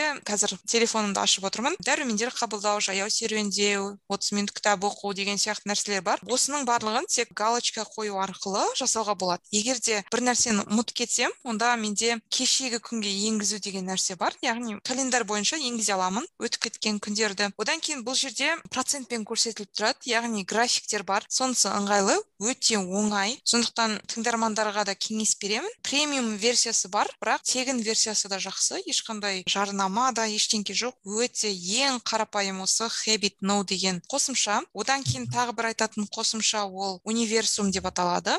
Немесе бұның day one деген аналогы бар. Яғни бұл жерде сіз мысалы бір күніңізді заметка жазып отыруға болады. Тек қана заметка емес сіз әртүрлі әрекеттерді қоса аласыз. Мысалы аудио қоссаңыз болады. Немесе бір яғни сіз әр күніңізді есте сақтайсыз да. Мысалы бүгін 19 тоғызыншы ақпан болса мен мысалы не істедім бір сурет түсіресіз бір нәрсені байқап қалдыңыз. Терезеңіздің алдына құс келіп қонды отырды. Сол жерде суретке түсіріп сақтап қойсаңыз ол автоматом осы приложениеде шығады. Сол сурет қай күні түсірілген сурет сол осы жаққа автоматтан барады. Одан кейін аудио бір нәрсе аудио жіберуге болады. Одан кейін сурет салсаңыз болады қолмен жазу жазсаңыз болады. Кез келген нәрсені немесе бір әдетті жазуға болады да мысалы өзіңізге бір тасктар қойып аласыз сосын сол күнді қарауға болады. Мен бір неден естіген едім подкасттан ба есімде жоқ. Бір ғалым кісі бар екен атын да ұмытып тұрмын. Ол сонау мың сегіз жүзінші жылдары өмір сүрген яғни ол өзінің өмірінің бүкіл хронологиясын жазады екен. Мысалы таң атқаннан бастап не істегенін кәдімгідей минутамен сағатпен жазады да. Сол адам ол кезде енді ол заманда андай перомен жазады ғой. Мен таң қалғаным ол адам енді сексеннен асқан сол уақытқа дейін өмір сүрген. Бүкіл бір бөлме тек қана сондай не болған ғой. Бір бөлме оның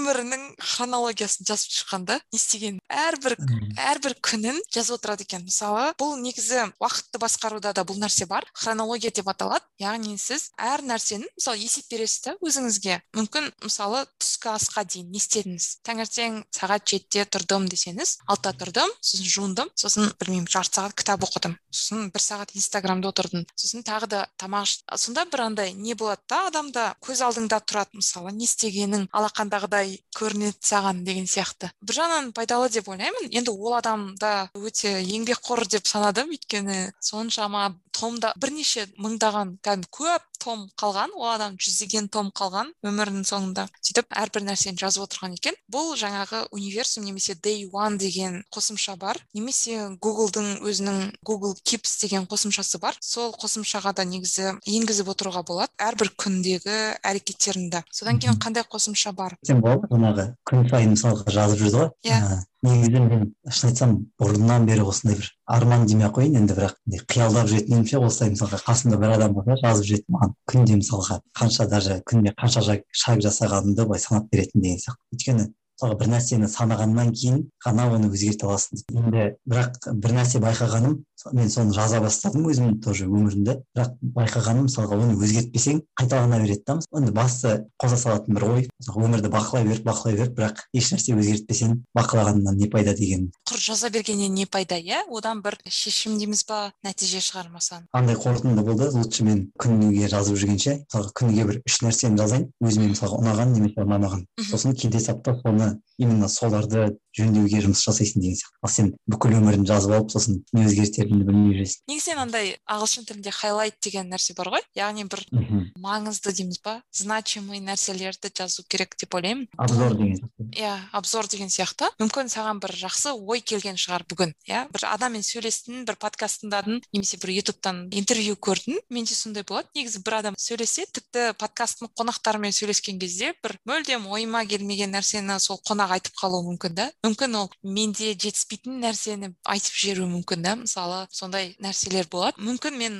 маған жасау керек нәрсені ол адам айтып қалуы мүмкін. Сол кезде қызық болып қаласың. Сондай нәрселерді негізінен қағаз бетіне түсіріп отырған дұрыс деп ойлаймын. Енді бір адамдар күнделік жасайды. Күнделік мен күнделік жаз... бұрын жазатынмын қазір жазбаймын. Кішкентай кезімде ол маған ұнайтын күнделік жазу деген бірақ өте андай жеке нәрсе ғой. Мысалы бір ұнаған нәрсе болса ұнаған ой болса идея болса міндетті түрде түртіп аламын. Білмеймін маған енді солай жақсы қолмен бір нәрсені жазып алсам ол маған жақсы әсер етеді екен да. Мысалы егер ноушнға жазсам немесе ноутбукқа бір жерге жазсам электронный түрде онда білмеймін. ұмытылып кетемін сондай болады. Және тағы бір нәрсе ол байқасаңыздар мен инстаграмда бүгінгі күннің алғысы деп жазып отырамын күнде салмаймын оны бірақ мен оны күнде жасаймын. Яғни мен ұйқыға кетердің алдында міндетті түрде бүгінгі күнге не үшін ризамын деген сияқты нәрсені жазамын бұл бұрыннан бар менде бірақ бұл жерде сол сияқты мысалы сіз бір нәрсені жасаңыз болады да бүгін маған білмеймін бүгін мен ерекше не істедім деген сияқты. Мысалы бір андай адамдар болады ғой білмеймін маған ол ұнамайды. Жылдың соңында бүкіл ана бір жыл бойы болған стористарын салып шығады ғой.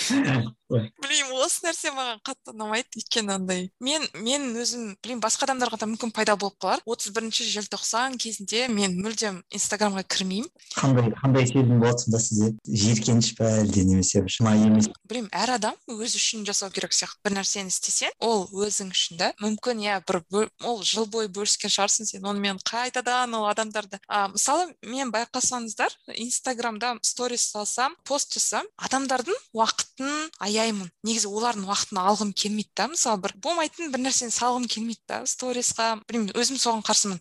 Мысалы бір жеп отқан тамағын деген сияқты немесе бір мысалы мен бір тамақ істесем оны салғым келмейді. Бір нәрсе пайдалы деп санасам ғана саламын да. Білмеймін өзімде сондай бір принцип бар. Адамдардың уақытын алып жатқан сияқты болады да. Мысалы көп блогерларда бүйтіп жарнама болып кетеді ғой мен бүйтіп жаба саламын бірден. Білемін уже жарнама екенін және байқағаным мен бір осы инстаграмды негізі қазір қатты бақылап жүрмін. Инстаграмды қалай қолданамын деген нәрсені басында мен негізі қатты қарамайтынмын. Мысалы жаз кезінде күз кезінде сосын қарай бастадым. Қанша уақыт кетіремін инстаграмға қанша уақыт байқасам өзім сезбейді екенмін. Мысалы сторис қарап бірдеңе қарап үш сағат төрт сағат болып кеткен да. Мен кәдімгідей шок болдым да ана жерде. Мынау деген сұмдық қой менің өмірім өзі жиырма төрт сағатым ғана бар мысалы бір күнде. Оның жарайды сегіз сағат ұйқы деп тырысып жүрмін да оған.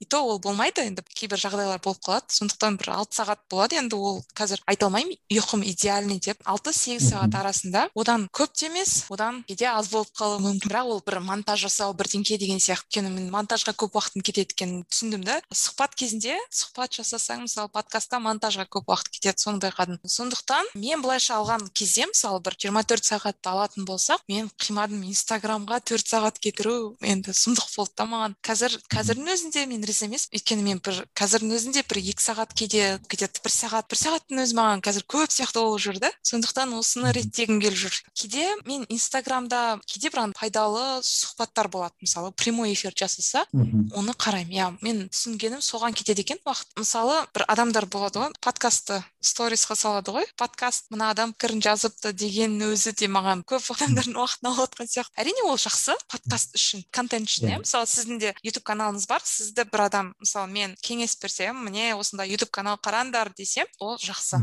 Бірақ енді ол өте мысалы мен бір адамдарды белгілеймін ғой сториста жаяу жүруде мына адамды тыңдадым деп. Сосын ол адам өзін де белгілейді да. Ол адам өзінің сторисына қосады. И мен ол адамның сторисін алып өзімнің сторисіме қосқым келмейді да. Мысалы мен жасамаймын оны өте сирек жасап білмеймін. Сондай бір қазір айтады ғой сандық этикет дейді да. Бұл нәрсе бізде әлі онша дамымаған деп ойлаймын. Цифровой этикет деген нәрсе бар да. Оған бір арнайы кітап та бар. Білмеймін адамдарда осындай бір дағдыларды дамыту керек сияқты. Сауаттылық иә цифровой сауаттылық бір бірін мысалы жай ғана перепискадағы сауаттылық деген сияқты сондай. Мысалы сіз танымайтын адамға аудио жіберген өте дұрыс емес. Мысалы сіз бір блогерға аудио жіберсеңіз енді өте жаман сезімде болатын шығар. Мысалы мен маған танымайтын адам бір аудио жазса мен текстпен жазған дұрыс деген сияқты бір сондай кітап оқыған едім сосын бөлісіп жатқаным ғой. Жарайды онда жалғастырайық ары қарай мобильдік қосымшалар жайлы айфонның здоровье ол қадамдарды өзі көрсетіп тұрады аптасына мысалы. Сондықтан да менде андай ой бар да мысалы мен күнде қадамдарымды салып отыруға болатын еді мен олай да істегім келмейді. Білмеймін адамдардың уақытын алғым келмейді онымен. Одан да ойладым да мысалы мен аптасына бір рет сала салайын менде тағы да мынандай қосымша бар. Язио деп аталады. Бұл негізінен тамақтануға қатысты. Кейбір енді қыздарға маңызды болуы мүмкін. Қандай тамақ жегенін жазып отыратын бағдарлама. Бірақ бұны мен қолданып жүрген жоқпын. Бұрын бір қызық болды маған негізі қалай екен осы деп. Бір апта қолданып көрдім әлі айфонда қалып қалыпты одан кейін мынандай қосымшалар бар. Жүгіруге арналған squat easy деп аталады. Мен NU runners деген группа бар. Негізі нудың студенттері мен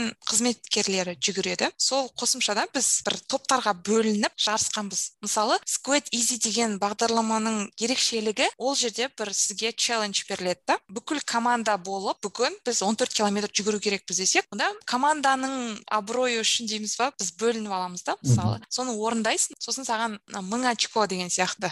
Кейін ол очконы бір нәрсеге айырбастап алуға болады. Әйтеуір сондай бір көп очко жинайтын нәрсе. Андай бір мотивация береді да адамдарға. Сосын өзіне де қызық бір жағынан командаңа очко әкеліп бересің деген сияқты. Одан кейін қандай әдетке қатысты? А трелла трелла қосымшасын мен кітап оқуға қатысты қолданамын. Оны подкастта да айтқан болатынмын. Ол жерде мысалы мен осы 2021-ге мақсат қойдым. Қанша кітап оқитыным жайлы. Санын айтпай ақ қояйын. Саны көп емес негізі. Бұрындары бір елу кітап оқимын деген сияқты нәрселер қоятынмын. Биыл олай қойған жоқ. Қанша санаған да жоқ қанша екенін. Бірақ ол жерде әдеби кітаптар өте көп. Білмеймін биыл фокус сондай әдеби кітаптарға деп бөлдім. Сол ол жерде мысалы сіз белгілі бір бағандарды жасап алуға болады. Әр бағанды мысалы мен көркем әдебиет десем көркем әдебиеттің бағаны болады. Оны бір мет, метки деген нәрсе бар. Сол метки арқылы белгілеп қоюға болады. Мысалы көркем әдебиет жасыл түсті деген сияқты. Одан кейін келесі ғылыми science fiction иә?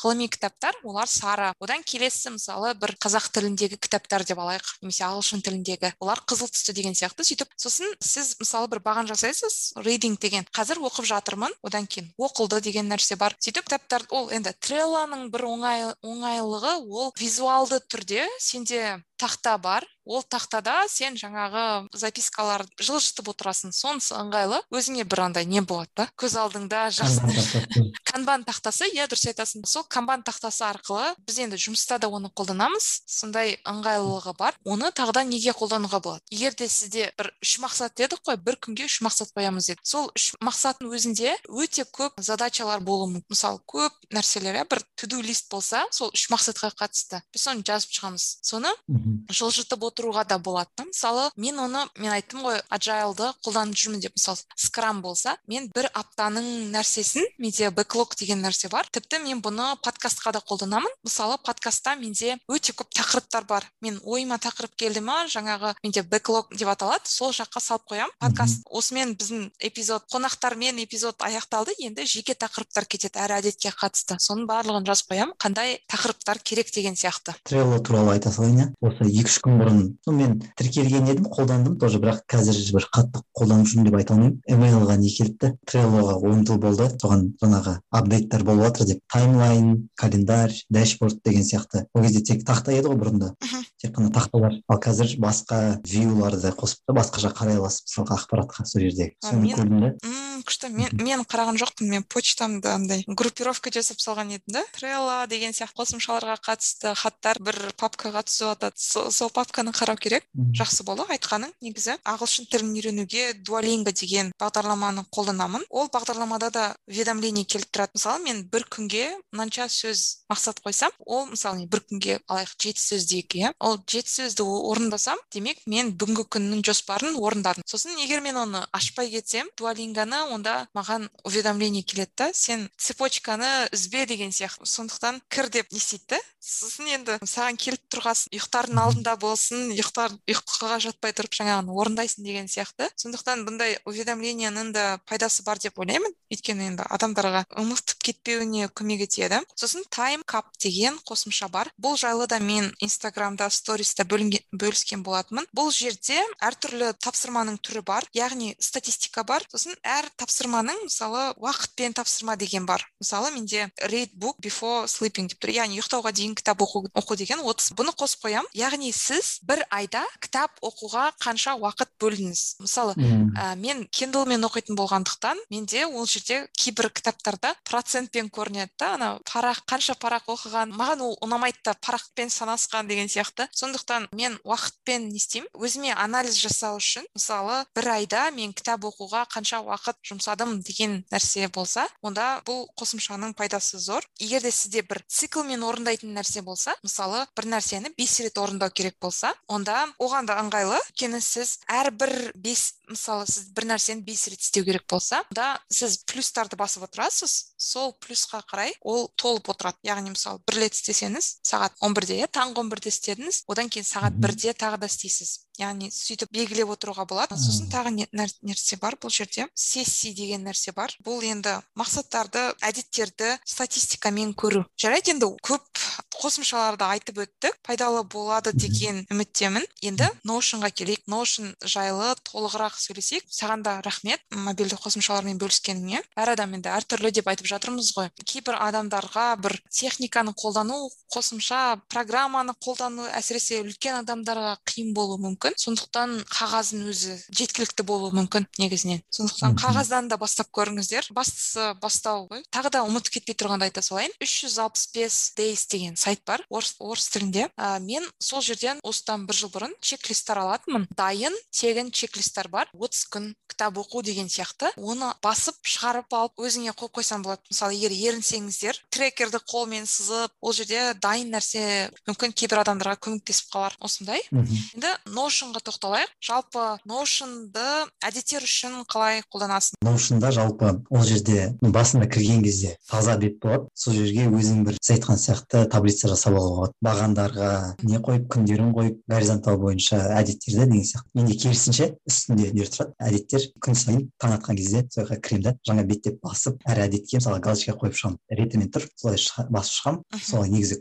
әр күнімді солай енгізіп отырамын. Және де ол сақталып тұрады. Сол жерде егер бір нәрсе өзгертемін десеңіз артқа қайтып өзгертуге болады. Нақты түрде айта алмаймын күн сайын осылай кіріп отырамын негізінен саяттың ютуб ютуб каналы бар дедік қой. Сол жерде өте түсінікті тілмен түсіндірілген. Арнайы бір видеоң бар иә әдеттерге қатысты қателеспесем. Иә рутиналарға қатысты рутина әдет. Жалпы кейбір адамдарға бұл бір не болып көрінуі мүмкін иә рутина деген. Өзің жалпы қалай қарайсың рутинаға? Кейбір адамдар болуы мүмкін ғой. Жоқ өмірімді олай бас басқарғым келмейді деген сияқты. Мысалы кейбір адамдар болады да сондай бір шығармашылық адамдары кейбір адамдарға маған мысалы айтатын еді не үшін? деген сияқты енді андай. Оның барлығын бақылап өзіңді бір андай рамкаға салып жатырсың деген сияқты айтады да. Өзің қалай ойлайсың? Осылай әдеттерді жазып жүру қалай әсер етеді деп ойлайсың адамға?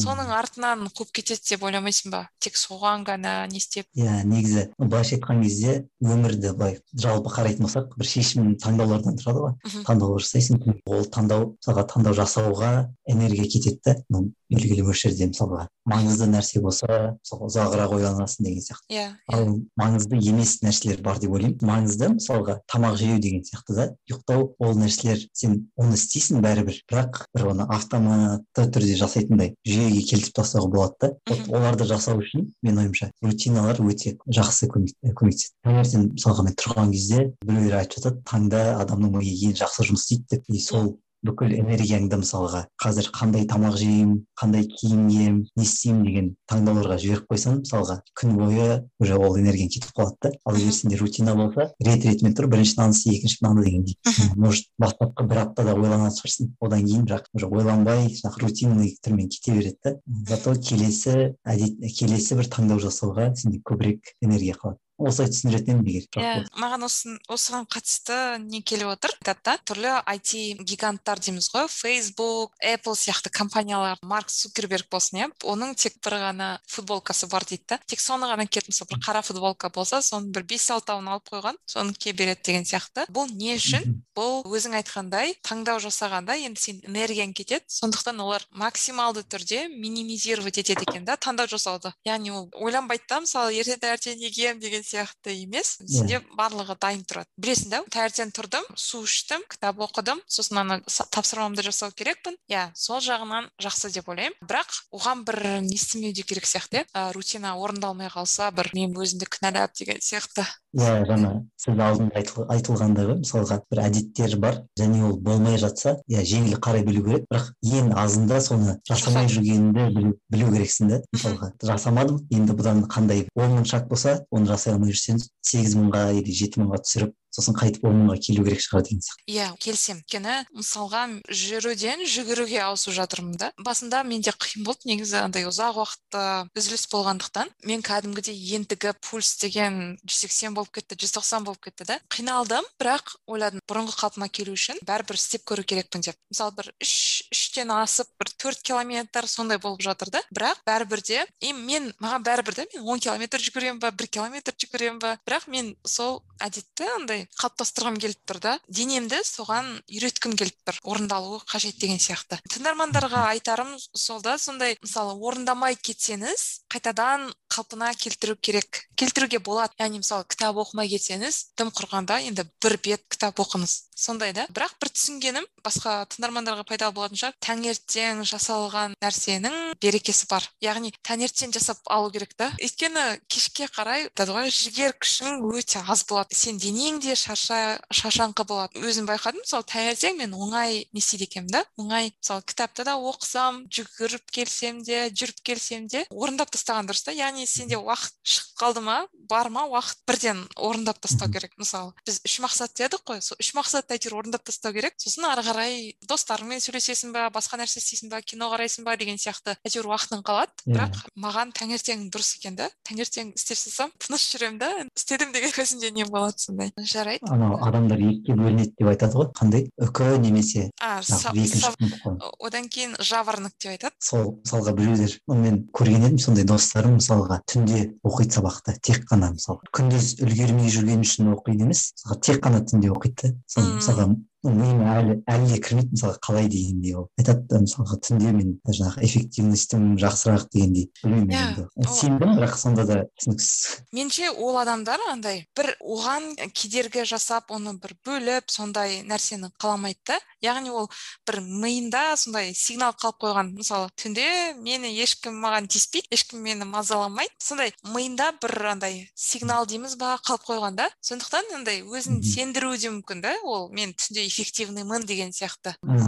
бірақ олай емес негізі түн енді. Айтады ғой түнді тынығу үшін бердік дейді иә демалу үшін бердік дейді. Сондықтан одан енді максималды түрде не істеу керек шығар. Бәрібір сен түнде отырған адам күндіз онша не болып жүреді ғой мең зең болып таңертең иә көбірек ұйықтауы мүмкін деген сияқты. түнде уақыт еще тез өтетін сияқты ма сондай? Мен өзім тез өткізеді түнде. солай шығар иә. Байқасам. Мен көріп едім мысалға.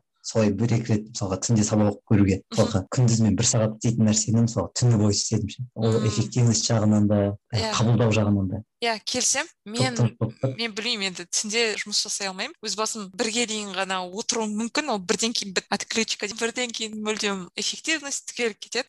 Одан да ұйықтап барып таңертең тұрсам да мысалы үш сағат ұйықтасам да одан да таңертең тұрып соны істесем мен жақсырақ істейтін сияқтымын да андай эффективность жағынан болсын. Тез тез тез тез істеп тастауым мүмкін жарайды. Онда ноушнда мысалы нелер бар ма? Егер ноушн телефонында орнатылған болса ол жерде бір уведомлениялар бар ма адамға? Иә бар. тура сол нелер сияқты ғой. қарапайым бірақ оны қосып қоясың қолданбалар сияқты шынымды айтсам өзім иә өзім оны қоспадым ше. бірақ жаңа айттым ғой. Негізі көбінесе компьютерде десктопта қолданамын. бір идея түскен кезде мысалға жаңа айттыңыз ғой қалай? Бэклинк дедіңіз ба? бір идея келген кезде бірден сол жаққа жазып қоятын ұмытып қалмау а бэклог бэклог иә сондай сияқты мысалға. Далада жүріп келе жатқан кезде жаңағы бір ой келсе сол жаққа тез ақ жазып алуға сол жаңағы соткадан соны соны сыңғай да мысалы ноутбук всегда қасында болмайды ғой. Сол сондай мақсатта ғана қолданады мобильді қосымшасын. Мобильді қосымшасын иә бірден бұл өте жақсы. Негізінен енді қазіргі заманда осындай қосымшалардың бар болғаны керемет керемет деп ойлаймын. Өйткені адам жолда келе жатып болсын қай жерде келе жатып болсын әйтеуір жазып қалуға болады. Жалпы негізінен көп тақырыпты айтқан сияқтымыз. Енді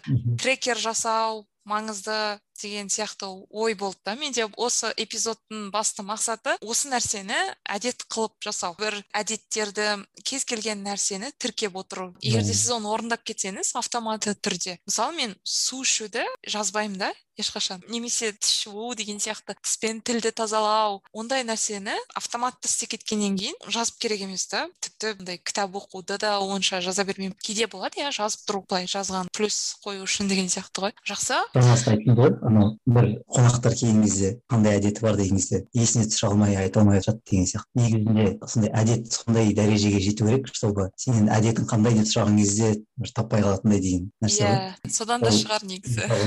сіз үшін ол әдет те емес мысалы уже сіздің негізге екінші бір қалпыңа айналады деген сияқты иә? Натура дейді ғой адам натурасы мысалы қазір менен әдеттерді сұраса мысалға мен қазір қиналып жасап жүрген нәрселерді айтады екенмін ше мысалы кітап оқу деген сияқты. Ол біреулер үшін ол қалыпты нәрсе да мысалға жаңағы тіс жуу деген сияқты немесе су ішу деген сияқты ол не үшін айтып отырсың деген сияқты айтуы мүмкін қонақтар қиналады да қандай әдет деп кітап оқуды айтады тағы бір нәрсе айтады мен айтамын ғой енді қарапайым нәрсе ол енді әдетке санамауы мүмкін басқа адамдарда да солай шығар. жақсы. қазір енді студентсің. жалпы оқушыларға қандай әдет айтар едің бір? Үш әдет айта аласың ба? оқушыларға осы енгізсе жақсы болады. оқушы кезінде мысалы егер сен енді уақытпен саяхат жасап ктл ға там алғаш түскенде деген сияқты ше сол кезде мысалы мүмкін бір осы әдеттер менде болса ғой деген сияқты мектеп кезінде осы жасасам ғой деген мысалы бір болады бір осы неге мен бұрын істемегенмін? деген сияқты. Сенде сондай бола ма? Соны істеуім керек еді? деген сияқты. Енді менің ойымша мысалы көп адамдар ойлайды ғой бір бір нәрсені өзгерту керекпіз халық өзгеру керек дейді да. Бірақ ше бала өзгеру керек та. Мысалы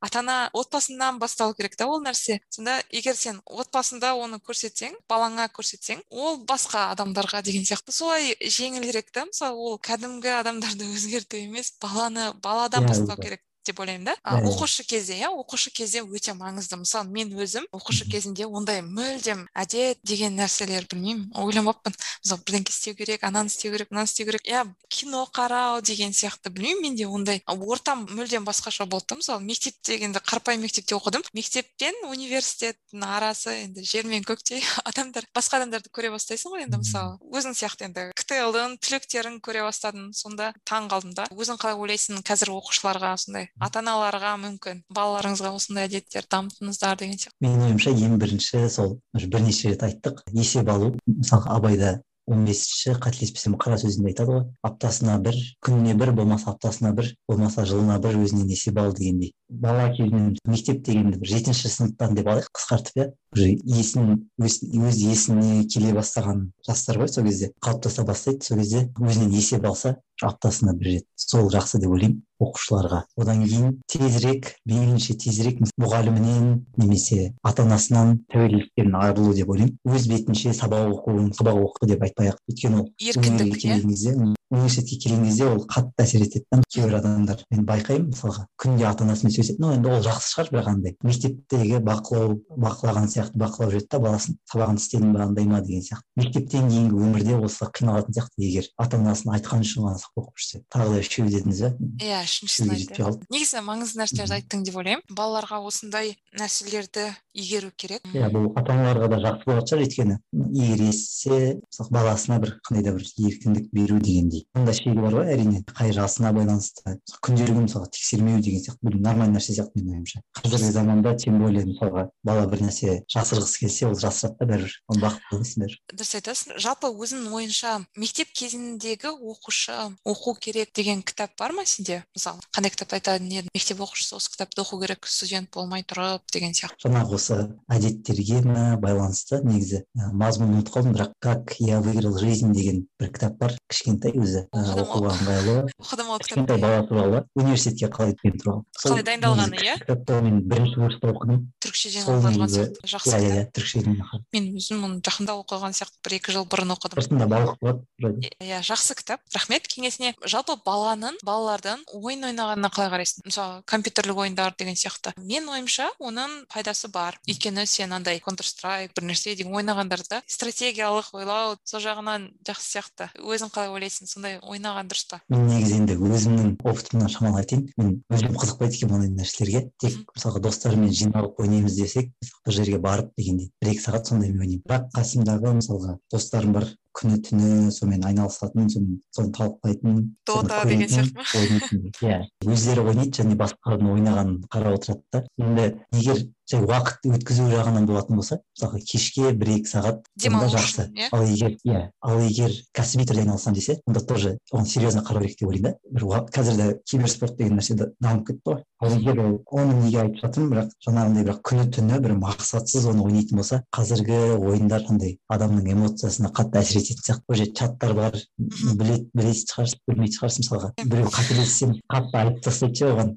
Мысалға сондай нәрселер ұнайды маған ойындардың бір ойында андай этикадан кішкентай балаға ол сыртқа шығып кету айтады ол ойын ғой деген сияқты ше енді ойында ол бір өмірдің бөлігі ғой мысалға мен. Өмірде жақсы адаммын бірақ ойында мысалы боқтай беремін деген сияқты ондай шамалы келмейді да неге логикаға сол үшін жаңағындай қандай мақсатта енді иә. бала ойнап жатса сұрау керек. Қандай жатсың деп және оны уақытылы тоқтату тоқтата білу дей ма? Адам енді бір өміріңді бақылауда ұстау керек керек те сияқты енді андай болады ғой. Кейбір меніңше эмоционалдық тұрғыдан әлсіз адамдар оған тез не істейтін сияқты да тез кіріп иә сол жаққа бір сүңгіп кетуі мүмкін да. Одан енді шығудың өзі де қиын болып кетуі мүмкін. Жалпы өзіңнің арманың бар ма? Егер бөлісуге болатын арман болса? шын айтсам мектептен бері лицейге түскеннен кейін де андай бір математика физика деген андай қатып қалған нәрселерге не істегеннен кейін біртүрлі бүкіл нәрсені андай өлшегім келіп тұрады да арман деген осы кеше ғана подкаст тыңдағанмын марғұлан сейсенбайдың кішкентай ғана өмірімді қалай реттеймін деген сияқты. Сол кезде айтады тура осылай сұрайды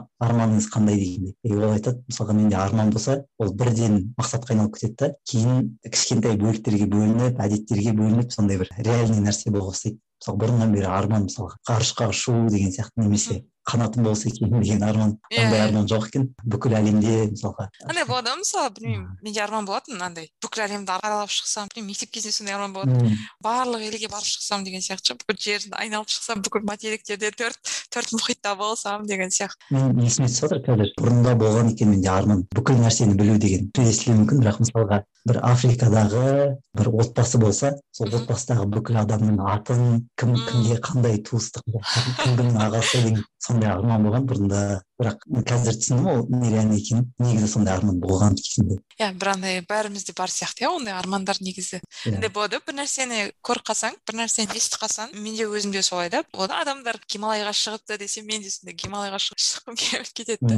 Білмеймін андай еліктеушілік па мүмкін. Енді қазір көп қой бізде айналамызда ақпарат көп қой негізі. Жан жақтан ақпарат болғасын. Бірақ енді арман деген болу керек сияқты адамда бәрібір қаншалықты өміріңнің соңына дейін болатын сияқты. Енді подкасттың біздің подкастта мен бүкіл барлық қонақтарға қойып жүрмін осы сұрақты сен үшін бақыт деген не бақыт деген тағы да шамалы кішігірім ұзақтау айтып жіберейін. Бұрында ойлайтын едім бақыт деген мысалға стабильность деп та мысалы бүкілі мен білмей қалатын нәрсе болмайды дегендей мен күтпеген нәрсе болмайды дегендей бүкіл нәрсені контрольда ұстау деген нәрсе ә, бақыт сезімін береді деп. бірақ оған да қазір көзім жетті. карантин әсіресе мысалға ешкім күткен жоқ қой ковид келетінін дегендей. сол үшін білмейсің бақыт не болатынын алда не болатынын. енді одан кейін бақыт деген қайтадан қайталау болып кетуі мүмкін. бірақ тура сол нұрлан сейсенбай тоже айтады бақыт деген андай алла сияқты нәрсе оны бар кезінде сезбейсің қазір демалып отырмын бірақ қатты сезілмейді бірақ ол жоқ болса бірден сезесің. Қазір менде бар бүкіл нәрсе мен үшін бақыт деп ойлаймын. Отбасым ата анам университетім мамандығым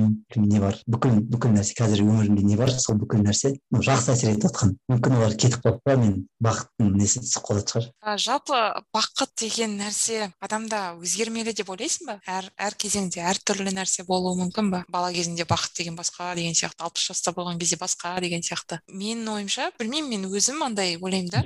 Бақыт деген адамда салыстырудан құралады да. Бір нәрсені мысалы сен өзіңді бақытсызбын деп ойлауың мүмкін. Бірақ та сен басқа басқа бір нәрсемен салыстырсаң африка afrikада адамдар қиналып жүр деген сияқты немесе бір адам андай мүгедек адамды көрсең көзі жоқ адамды көрсең сен ойлайсың да мә мен ең бақытты адаммын деген сияқты ше. Андай білмеймін салыстырудан тұратын сияқты маған. Енді адамға бәрібір адам тойымсыз дейді ғой. Бір нәрсе жетіспеген сияқты болады да. Өйткені сен енді басқа адамдарды көресің мысалы сенде әртүрлі не бар ғой? Әртүрлі ракурс бар ғой. Бір жетістікке жеткен адам бар иә? Сен енді оның қасында өзіңді онша бір бақытсыз санауың мүмкін деген сияқты. Бірақ андай білмеймін адамда иә. ішкі бақыты бар сияқты. Бір адам ішкі бақыт бір нәрсені айналысқан айналысқаннан иә бақытты болу сен қалай ойлайсың? Жалпы адамда өзгермелі нәрсе ма осы нәрсе? Негізі жалпы нәрсе бар ғой. Мысалы менің ойымша нәрселер бар және бір қалай айтсам болады мысалға күнді айналады деген сияқты факт нәрселер бар да. Мысалға бақыт деген мүмкін сондай нәрсе шығар который біз бәріміз табу керекпіз негізгі бақыт бұл өмірде емес шығар деген сияқты ойлар болуы мүмкін бұл өмір бұл өмірмен өлшенбейтін нәрсе. Бірақ енді егер бұл өмірдің бақытын айтатын болсақ ол өзгереді деп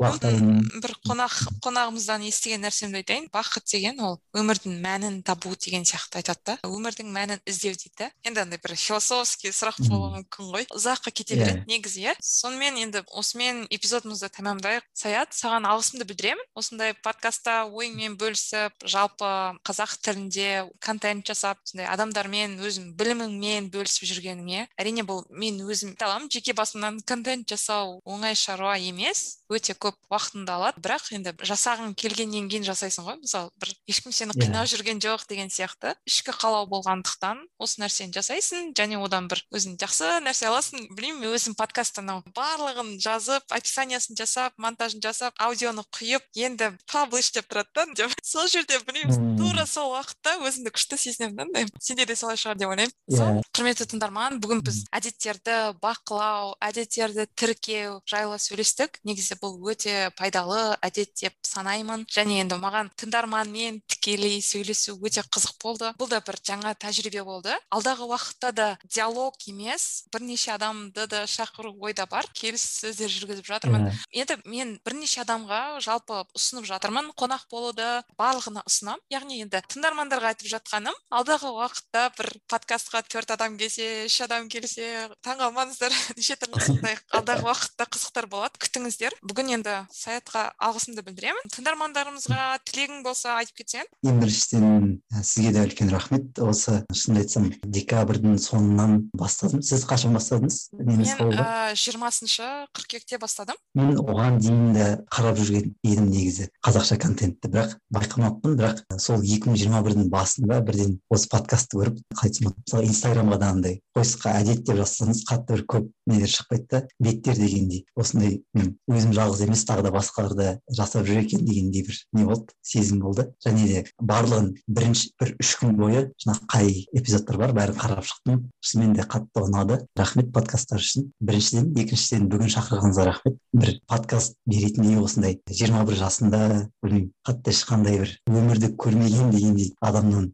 шақырып осындай сыйлап тыңдап ойымды дегендей. Сол үшін рахмет. Көбісіне бұйыра бермейтін бақыт шығар. Бұл одан кейін жалпы тыңдармандарға әдеттеріңізді бақылаңыздар. Өмірді бақылау енді қиын бірақ аз дегенде өзіңіздің қандай таңдау жасап жатқаныңызды бақылауға болады. Да өзгертуге бақылауға дегендей. Жалпы тілек сол. Жақындарыңыз аман болсын. Рахмет тілегіңе. Негізінен кез келген контент жасайтын адамға басында өте қиын да. Андай фидбек күтесің да. Мүмкін білмеймін енді. Менде сондай болды да. Мен дұрыс жасап жүрмін ба деген сияқты мүмкін осыны тыңдайтын адам бар ма деген сияқты нәрсе болды да. Ойлайсың да мүмкін қоя салармын мүмкін бұл менікі емес. Сондай кезде бір андай адамдар болып тұрады білмеймін. Комментарий жазып бөлісіп деген сияқты немесе жекеме жазатын адамдар болады да. Рахмет сізге осындай. Сондай кезде білмеймін андай қуанып қаламын да. Одан сайын ары қарай жақсы жасағым келіп кетеді да. Одан сайын жақсартқым келеді. Осы жобаны жалпы тастағым келмейді. Білмеймін өзіме ұнайды. Сондықтан рахмет. Иә осындай қолдау жасап жүрген адамдарға да алғысымды білемін. Сонымен құрметті тыңдарман